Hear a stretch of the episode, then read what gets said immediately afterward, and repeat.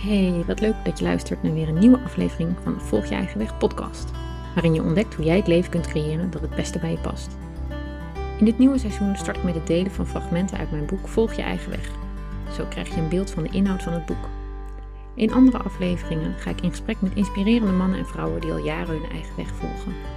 Ze vertellen hoe ze dat doen, welke uitdagingen ze tegenkomen en geven tips hoe jij dat ook zou kunnen. Scroll dus vooral even door naar de afleveringen van het eerste seizoen voor nog meer inspiratie. Ritueel 4. Een goede relatie met geld. Het streven naar een makkelijker leven veroorzaakte een hoop leed. En niet voor het laatst. Het gebeurt nog steeds. Hoeveel pas afgestudeerde academici gaan er niet aan de slag in veel eisende banen bij grote concerns met het vaste voornemen dat ze hard gaan werken om geld te verdienen, waarmee ze op hun 35ste kunnen gaan rentenieren om dan te doen wat ze echt willen doen. Maar als ze die leeftijd eenmaal bereikt hebben, hebben ze hoge hypotheken, schoolgaande kinderen, huizen in buitenwijken waar je minstens twee auto's per gezin nodig hebt en het gevoel dat het leven niet de moeite waard is zonder uitstekende wijnen en dure buitenlandvakanties.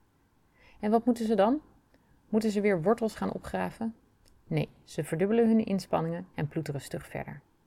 Yuval Noah Harari. Geld. Iedereen heeft het nodig en niemand heeft ooit genoeg.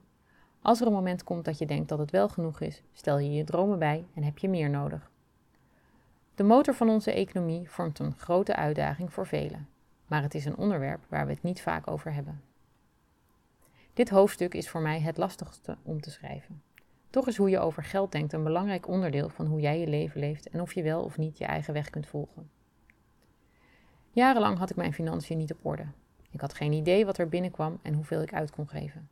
Ik leefde van het geld van de bank, tot de bank zei: Het is genoeg geweest. Op dat moment kon ik er zelf ook niet meer mee leven. Ik had een bedrijf opgericht waarbij ik mensen inspireerde het leven te creëren dat het beste bij ze past, en zelf had ik dit onderdeel duidelijk niet op orde. Daardoor voelde ik me niets waard en kon ik het verhaal niet meer vertellen. Depressief, diep in de schulden en overspannen zat ik thuis en had geen idee hoe ik verder moest. Het enige dat ik zeker wist was dat het anders moest. Het was het moment dat ik eerlijk moest zijn en hulp moest vragen. Een van de moeilijkste dingen die ik ooit heb gedaan. Door te vragen kreeg ik een time-out aangeboden die ik niet aan had zien komen. Ik had om hulp gevraagd in de vorm van geld en die kreeg ik niet. Wel kreeg ik het aanbod om weer bij mijn ouders te gaan wonen, om op adem te komen en mijn kosten te reduceren. Ik kon ontspannen en hoefde even niets, zodat ik mijn zaken op orde kon krijgen en opnieuw kon starten. Momenteel heb ik mijn geldzaken redelijk goed op orde. Toch blijft geld de komende jaren een punt van aandacht. Het feit dat ik eerlijk onder ogen durfde te zien dat ik eigenlijk helemaal niet weet hoe je met geld om moet gaan, heeft me de ruimte gegeven nieuwe stappen te zetten.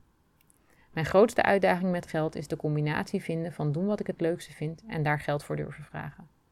Omdat ik mijn werk zo leuk vind en het zo vanzelf gaat, vind ik het lastig daaraan waarde aan te hangen. Daarom wil ik je meenemen in de ideeën over geld die ik tot nu toe heb opgedaan. Geldmindset. Hoe je over geld denkt kan je leven beïnvloeden. Toen ik het boek Het miljonairsbrein ontrafeld van T. Harv Eker las, was ik verbaasd over de gedachte dat miljonairs en miljardairs heel anders denken dan mensen met minder geld op hun rekening. Hun mindset is altijd ingesteld op miljoenen, terwijl de mindset van mensen zonder is ingesteld op honderden of duizenden. Voor mij is dit heel herkenbaar. Mijn mindset is inderdaad niet ingesteld op het verdienen van miljoenen. Ik leef met een klein budget heb mijn uitgaven aangepast en had daar meestal vrede mee. Tegelijkertijd ontdekte ik ook dat iedereen is ingesteld op het verdienen van een bepaald maximum inkomen. Dit betekent dat je jaarlijks maar tot een bepaald bedrag verdient en dat dit nooit meer wordt. Door je geldmindset aan te passen en het virtuele bedrag te verhogen, kun je meer gaan verdienen. Dat gaat wellicht niet zomaar, omdat de overtuiging dat je maar een bepaald bedrag waard bent vast kan zitten in je systeem. Wat is geld? Geld is energie. Het is een uitwisseling tussen iets wat jij levert en waar een ander gebruik van kan maken. Hoewel geld iets neutraals is, kleven er veel oordelen en verhalen aan vast. Geld roept bij veel mensen een emotie op. Zo kun je geld vies vinden of het gevoel hebben dat je altijd te weinig hebt.